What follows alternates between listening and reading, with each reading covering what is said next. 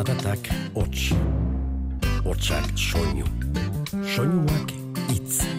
Itza, Mintza, Giltza, bizitza, jola, sola, nola as, nola nas, ganoraz.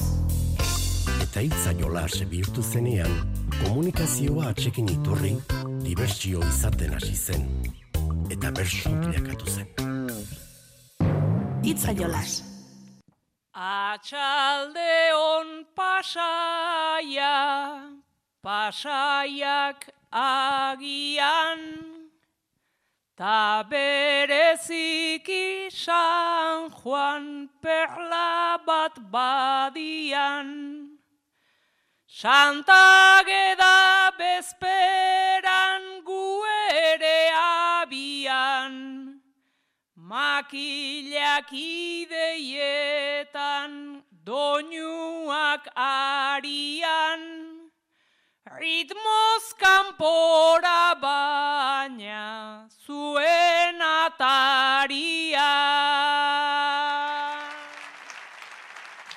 Santa esketik etorri gera, tantzoki baten elkartu, abarkak kendu oini zoztuak, larruzko botetan sartu, kaixo pasaia arratsaldeon, gure portu gure barku, lurra esnatzen den egunean, ez gaitzala loak hartu, ez gaitzala loak hartu.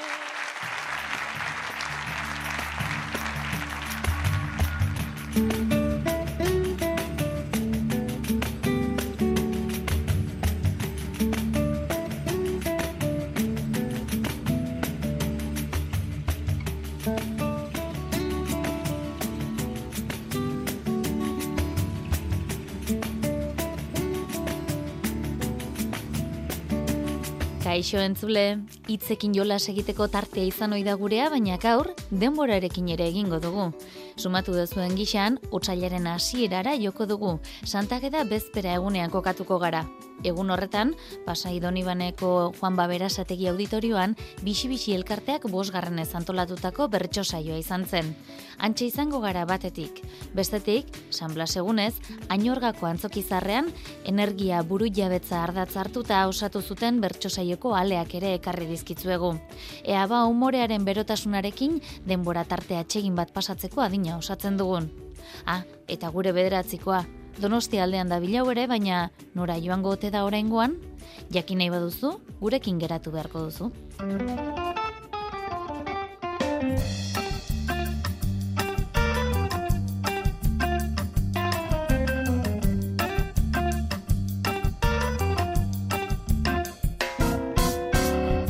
Pasai Donibanera joango gara, sarreran entzun duzue Santageda bezpenan intzantzen saioa otsailaren lauan.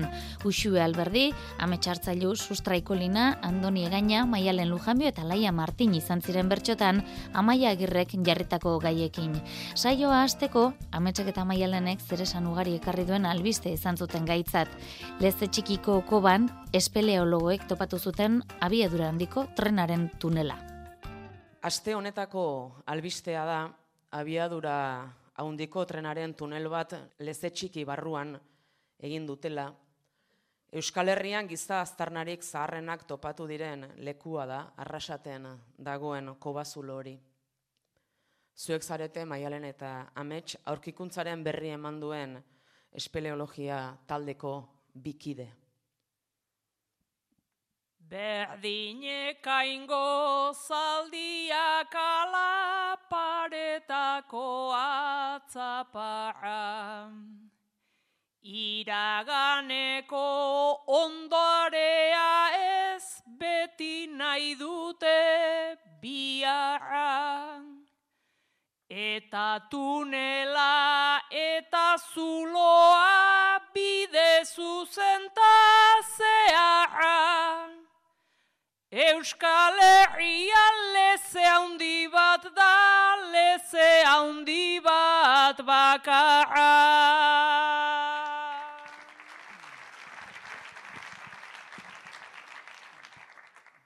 Kronologian trazatuz gero iragan alderantz marra.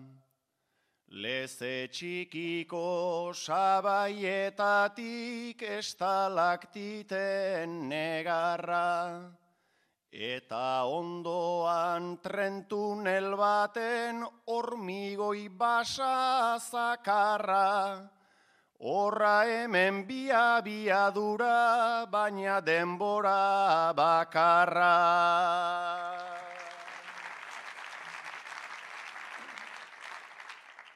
Agintaria karta buruta jendea igual ganadu.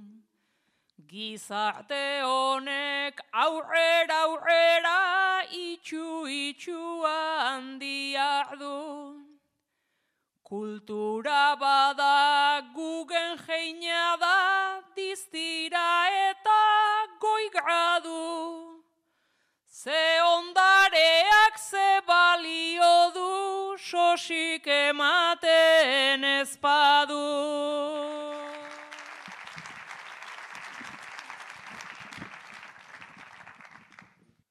Tren berri bati hortxe dabiltza, lurbideak erdibitzen.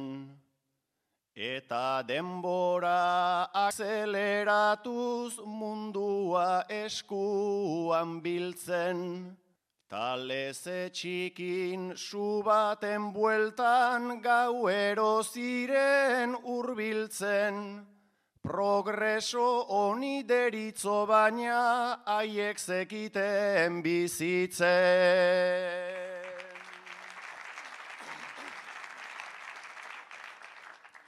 Baina txetea egin behartzen konstruktorak dira jabe.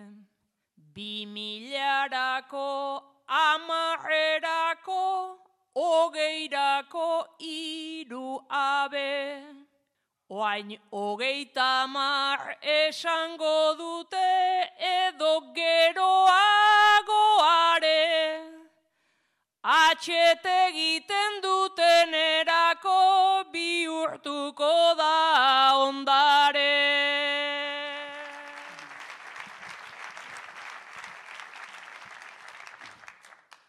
Gogoan daukat iragarrizun ardantzan zarran txamarra. Urkuluk ere aipatuko zun noizbait bi mila tamarra.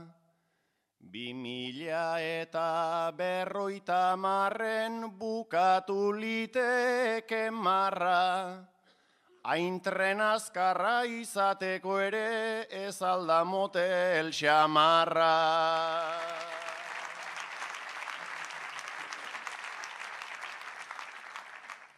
Baina jakina logika hortatik hemen ezin gara irten. Leze txikita zenbat olako diren zaila da jakiten. Baina Europa eta EAJ negozioei eragiten. Ta zementerak biraka eta patrikak diru egiten.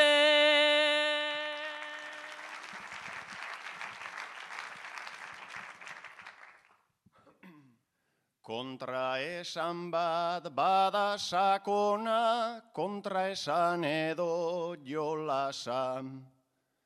Hemen denbora azkartu nahi da horren bila da bilmasa.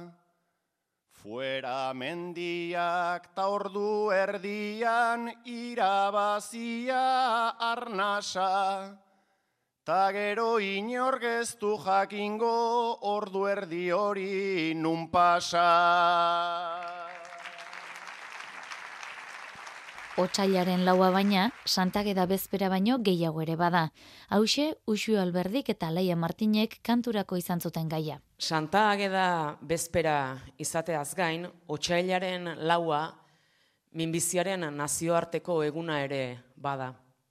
Eta zuek biok bularreko minbizia duzuen bi herritar zarete. Kezkatuta, nekatuta, amorrazita, zaudete onkologikoa hartzen ari den norabide desegokiarekin. Diagnostikoa jaso aurreko onak eta arak analitika zuen herrian, ekografia erresidentzian, biopsia onkologikoan, tratamentua hasi bitarteko egunak eternalak itxaron zerrenda amaigabea, gaur ere bazoazte kimioa jasotzera, eta medikuak ate aurrean protestan ari dira pankarta atzean.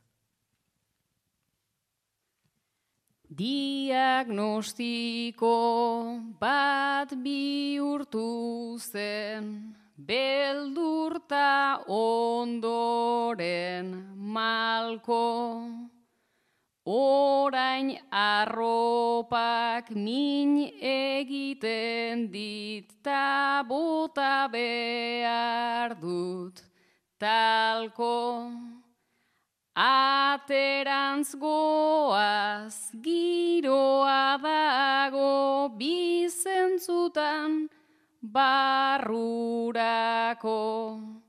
senda biderik topatu arte osasun gintzaren zako.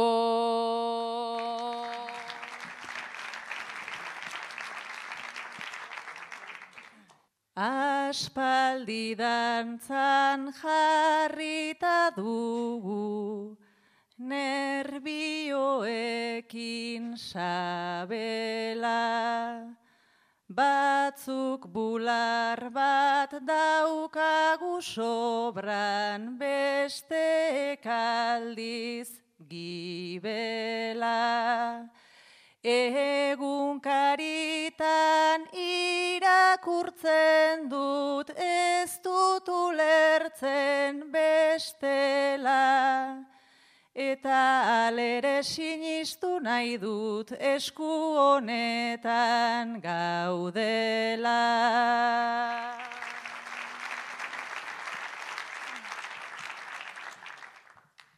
Esku honetan gaude gainean naiz ibili zenbait putre onkologiko hau desarmatuz, joan dira urtez urte, eta begira esku hoietan, ere sinetxi nahi nuke, gehien behar diren, inbertsiotan bisturia pasa dute.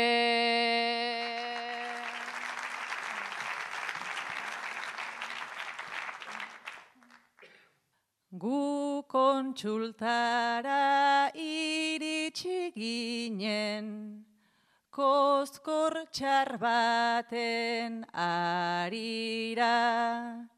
Eta geroztik gure etxean beti beldurra ari da.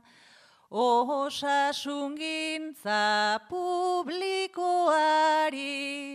eman nahi nion segida baina lagunak dauzkat gaixorik pribatuari begira.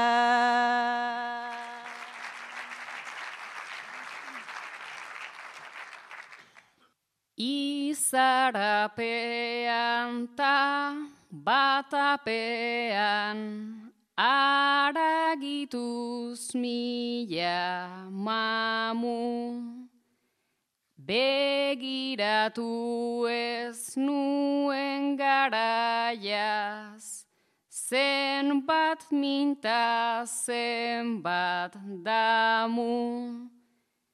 Pribaturaino nordaki joan, ez ninteken etzidamu. Agian atzo bertan nengoken, dirurikan baldin banu.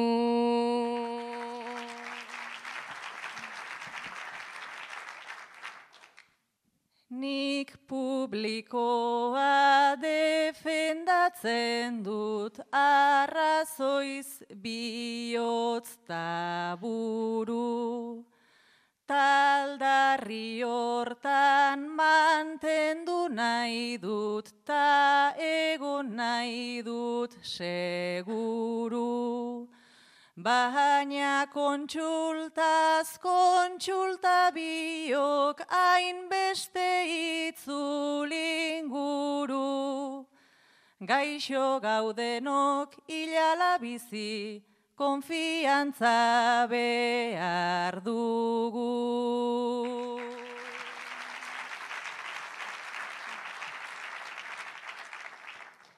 Nora joan maiz begiratzen dut, lehen solairuko mapan, gero kimio pixka bat jaso, ta ongizatea faltan, nola bilatu, konfiantza hori, barne beldur zalapartan. Eskuak hotzez geratzen zaizkit konfidantzaren pankartan.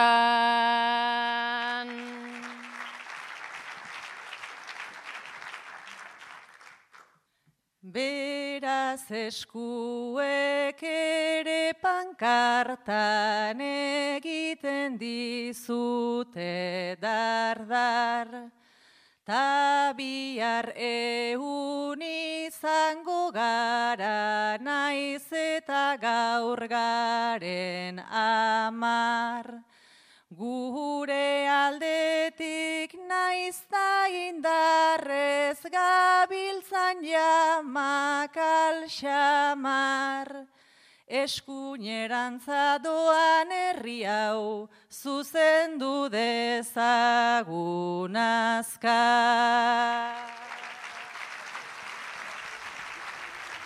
Umore pikin bat ere jarri zuten pasaidon ibaneko saioan, alaia eta amets bikote gisa jarri zituzten, baina beharrezko izan zuten nonbait maialen psikologoaren laguntza.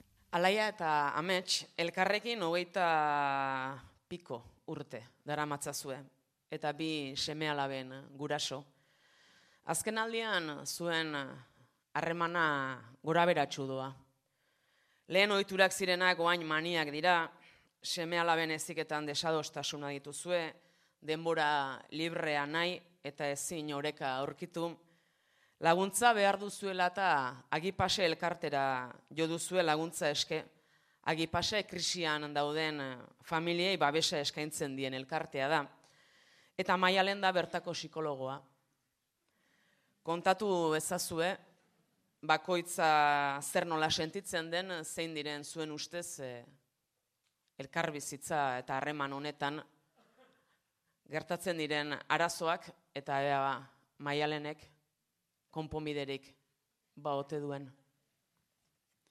Ai agipaseko psikologa sartu aurreko ez dula. Egia esan urte bete da zita eskatu gendula. Baina etortzeko zuk gogo gutxi, edota ikara oso. Ahotsa ere falta dezula ez altzauden nervioso. Ni hemenago konfesatzeko, dena aitortzeko pronto. Amets pila bat maitatzen dut, bai baina pixka bat gorroto.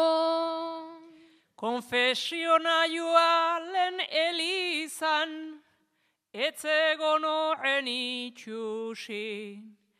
Gaur egun konfesatuak ipasen ta faktura eta guzin. Gure etxean ene alaiak erabakitzen du dana. Ahotsa pixkat badet oraindik hitza da falta zaidana. Zure hitz erdi eskutuetan nik ulertzen dut horrela. Garaia laia eta ametsak joan egin zaizkizuela. Amets faltaz gainik sumatzen dut beste zenbait drama mota. Aspiradora balitz bezala edaten du arrain zopa.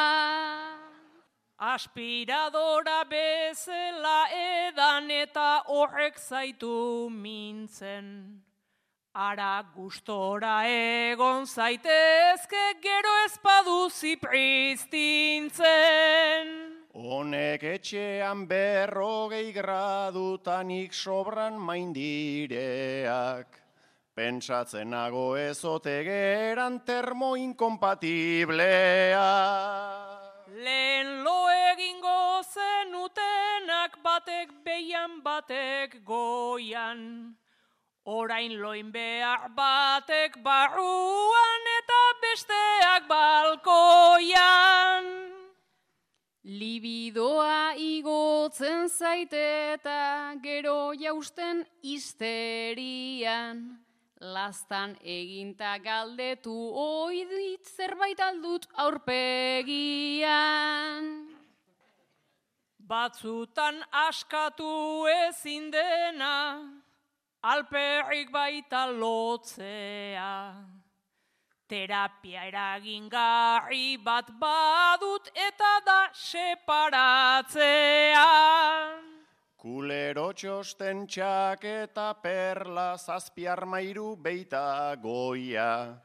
Janeri bakarri gelditzen zait mesan otxeko kajoia.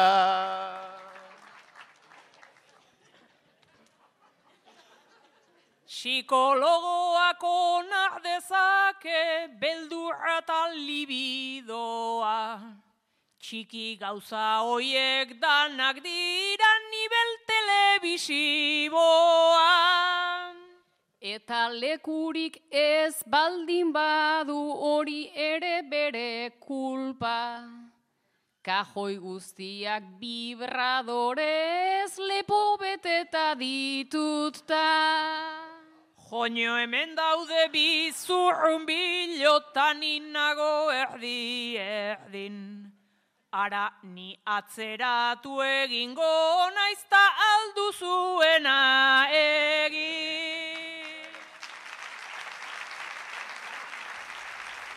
Esan dizu egun gixan, Santakeda bezpera egunean, Euskal Herriko beste hainbat txokotan koplak entzuten diren egunean, sustraik eta ametxek koplak kantari jardun zuten. Lehen aurretan aipatu duzue, behin baino gehiagotan gaur santak eda bezpera dela eta nola ba egin iskin gai horri. Demagun zuek batzuk goizean ibili garen bezala orain ere hariko dira zenbait bazterretan, zenbait kale eta herritan santa eskean. Eta horretan jarriko zaituztet, zuek, demagun zuek bi kopalari zaretela amets eta sustrai, eta atzeko lau kide hauen etxeetan jo duzuela aldaba. Zer nolako harrera egin dute? Zara utzaldera iritsi gara, ta begira ate honi. Galde dezagunea milagroz etxean dagon andoni.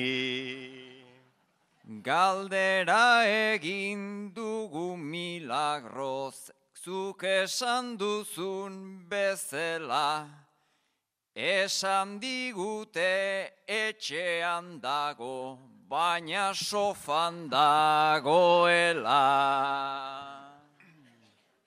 Sofa kontutan artista zara, gaia beti ateratzen. Gai hortatik zeuk galde zaiozu, nien aiz asko enteratzen. Zula saia metz andoni sofan, dago botata tatira. Aspaldi baten jantzi zituen lautxapeleri begira. Begiratu bai etxe ontako lursabai eta pareta. Lautxapeleta seizen izero denako lilaz beteta. Denako lilaz gainezka eta errautsez beteta daude.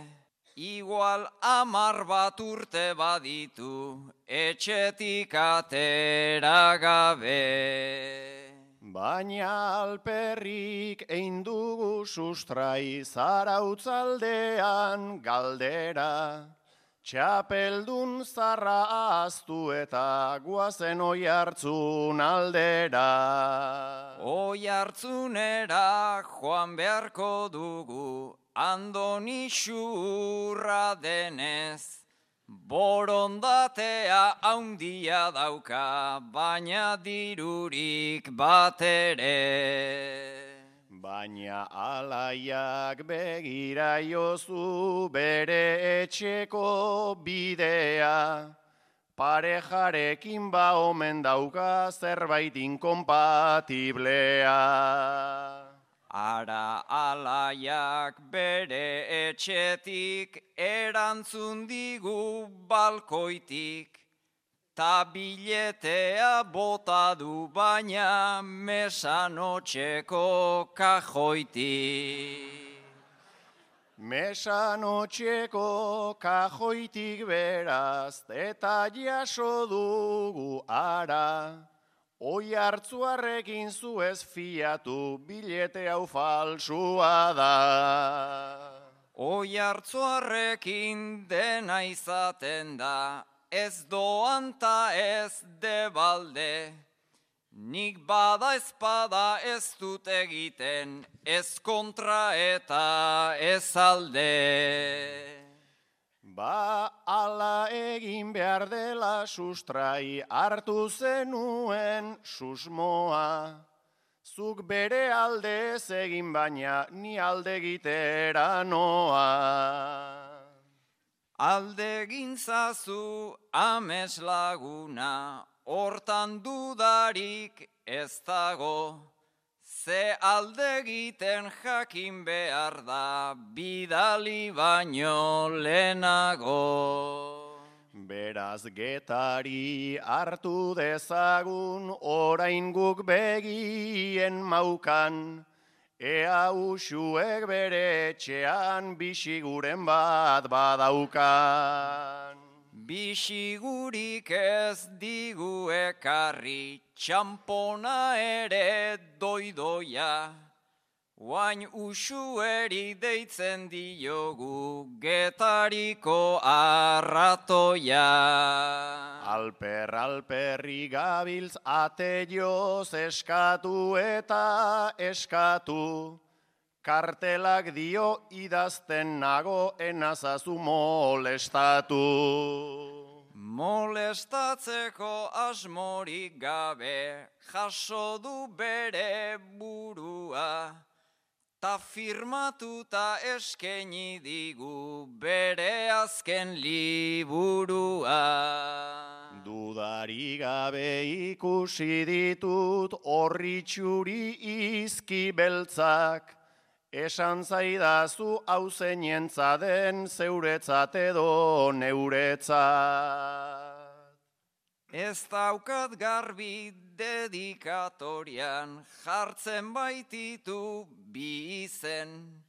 Ta laburpena ametsia etzait kopla batean kabitzen. Orain bideak eraman gaitu biak hernani barrena, Ni bada ezpada enaiz ausartzen, zeu sartu zaite aurrena. Akojonatu egin naiz baina, sartu naiz atean barna. Ze txapeldunak izan behar du, diru gehiena daukana.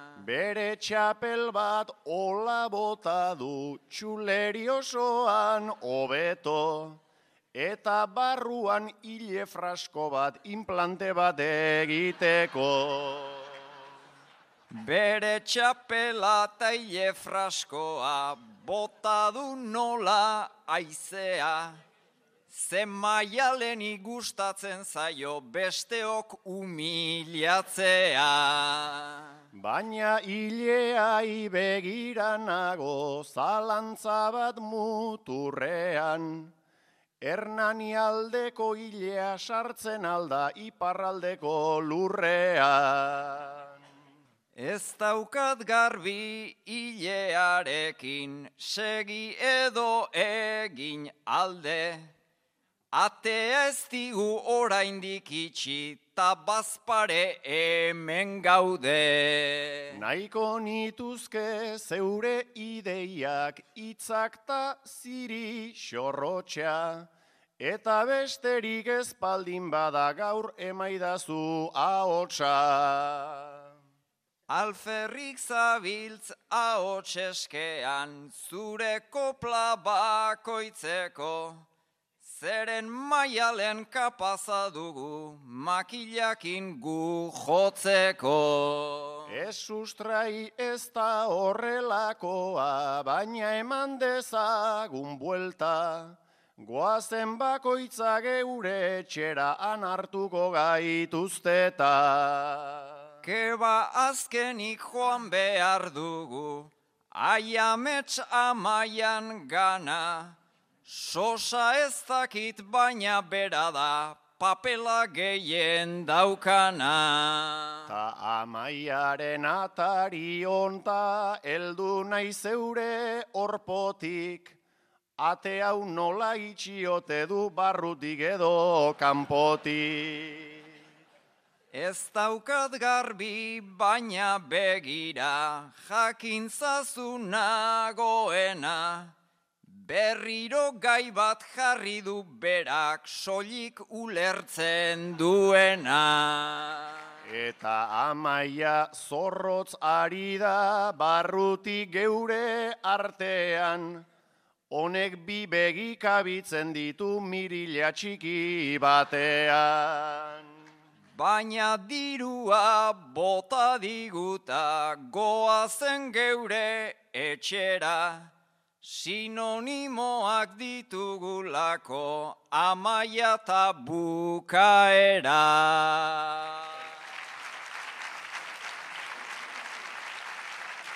Itze jolaz, Euskadi Ratian.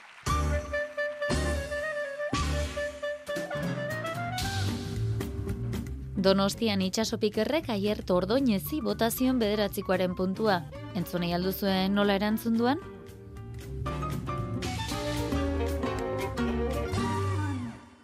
Zenbat parranda pasa ditugun bertxotan. Haundian ta txikian puntukako plan. Ibili izan gera, xaxatu asmotan.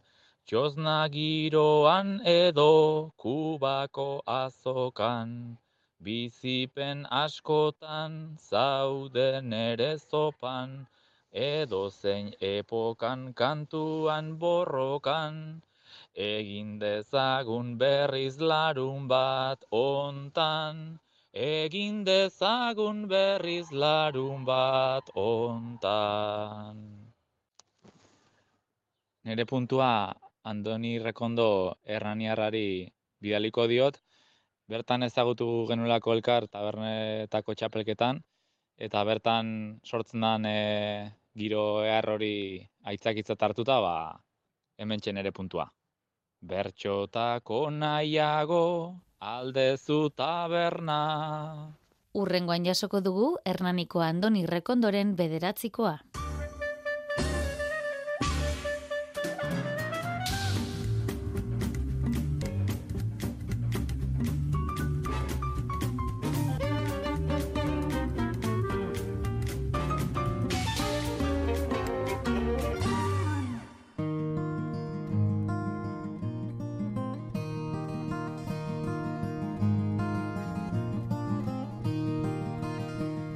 Gara joango gara orain, bertako antzoki zaharrean otxailaren iruan, energia buru jabetzari buruzko bertso saioa izan zen. Añorgako zenbait bizilagunek, saretuzek eta seten megoa izeak antolatuta.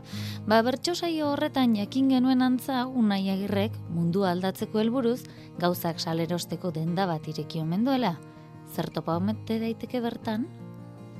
Unai, bazoa zu, pixkanaka, adinean aurrera eta mende erdia betetzeko ere etzaizu asko falta.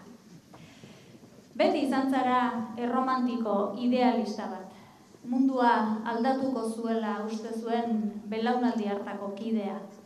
Eta ez duzu galdu, espiritu hori.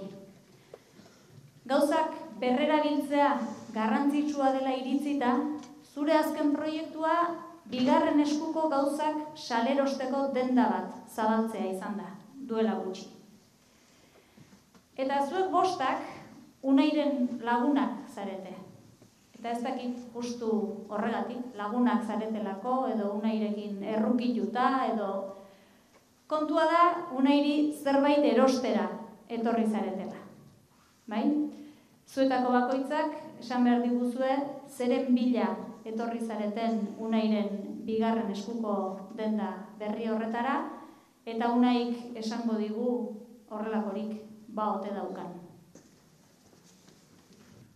Unai agirre hemen daukazu, aldamenean fan kluba, zuk elikatu dezu bertsoa, ta elikatu kultura, hemen txena bilbila, aurkia zaldadila, gordea izango duzu ba, emezortzi urte zen euskaneko jertxe gris dotore ura, emezortzi urte zen euskaneko Gertxe gris dotore ura.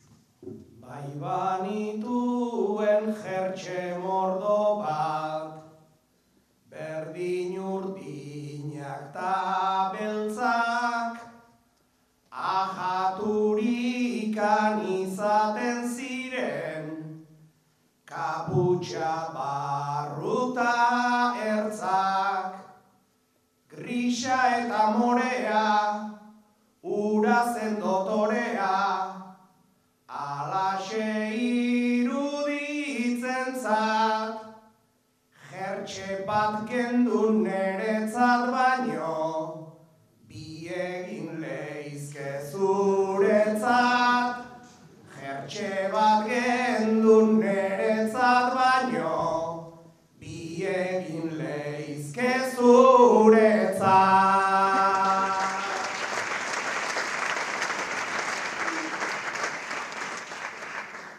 Ikusi ditut zure snupia, heidia eta plutoa, objetu asko iruditu zait, etxekoa gertukoa.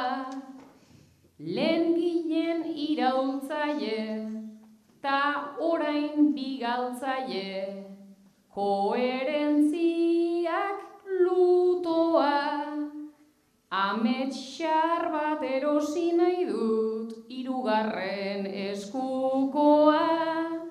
Ametsar bat erosi nahi dut irugarren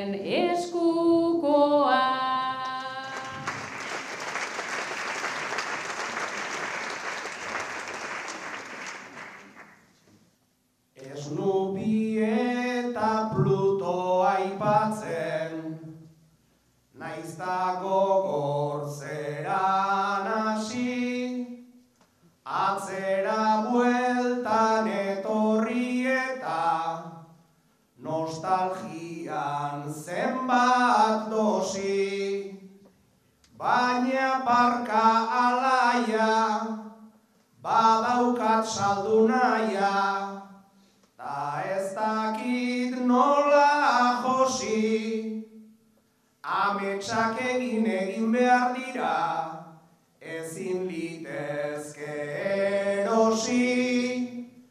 Ametsak egin egin behar dira, ezin litezke erosi.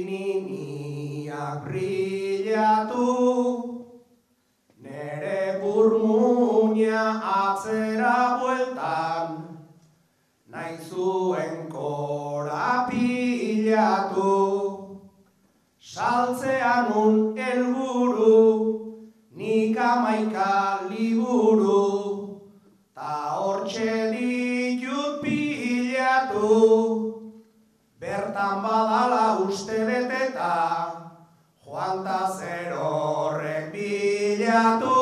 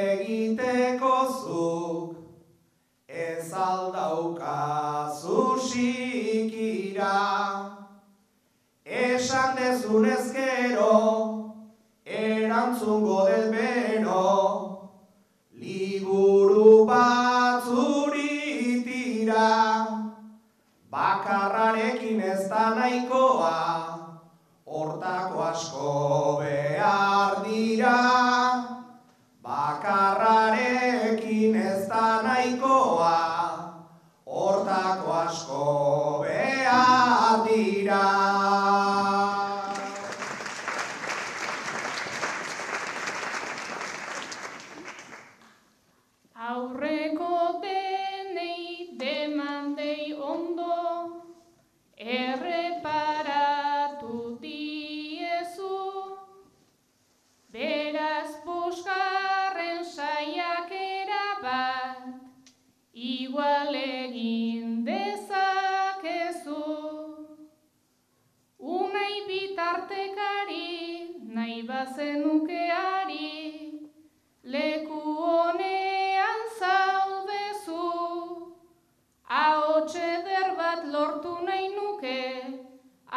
na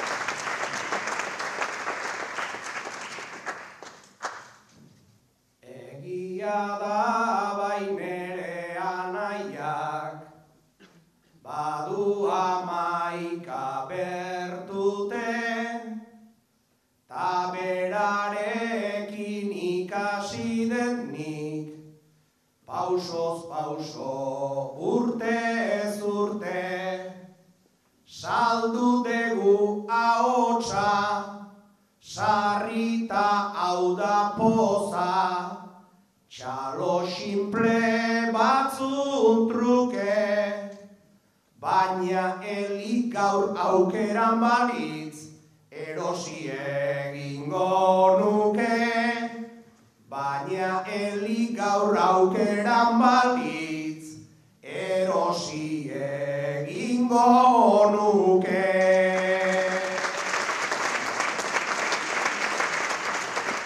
Esan dizugun gixan, energia buru jabetzari buruzko bertso saioa izaki, bainat eta usue herriko komunitate energetikoan sartu berri diren bi bizilagunen paperetik ariko dira. Baina emakumezkoa edo gizonezkoa izan, ezberdintasuna nabari da antza. Herriko komunitate energetikoan sartu berri zarete biok. Gizonezkoak eta adin batetik gorakoak dira orain arteko kide gehienak. Gazteagoak, zuek biok. Gizonezkoa bainat eta emakumezkoa, usue. Jabetu zarete, hasi direla pixkanaka bainaten iritzia kontuan hartzen. Zuri ordea usue gehiago kostatzen ari zaizu zure ahotsa entzunaraztea. Ideia bat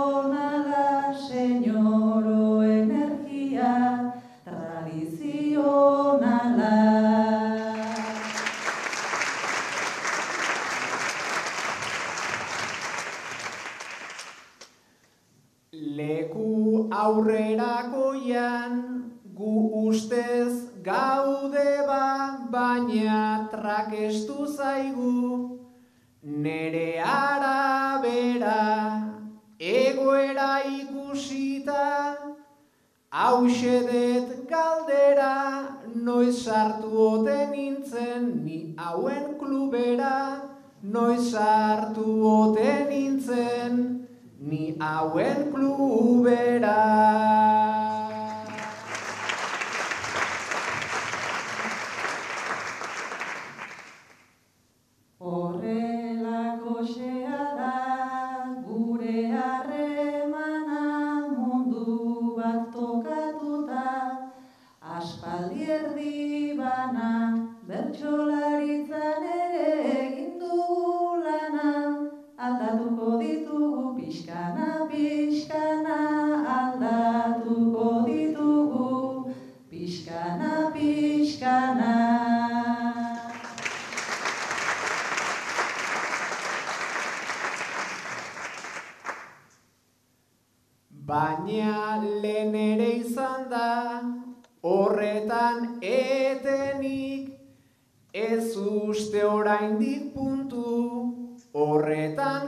Gaudenik, konponduko dugu bai agian azkenik, azkarro izango zela, pentsatzen nuenik, azkarro izango zela, pentsatzen nuenik.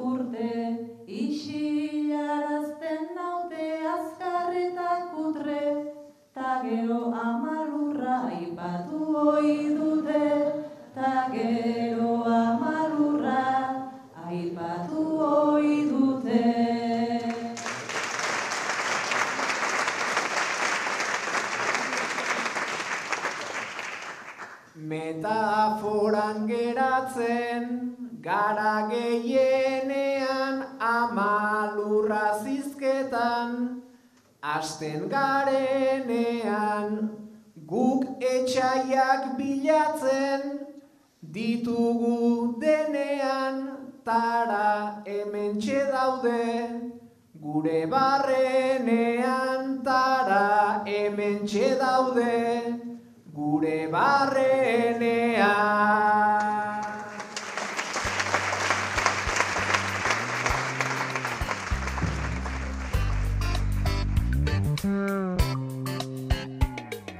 Ba, gaurkoz nahikoa, jaso ezazu honen beste ez mirari egurtza teknikariaren eta bion agurrik beroena.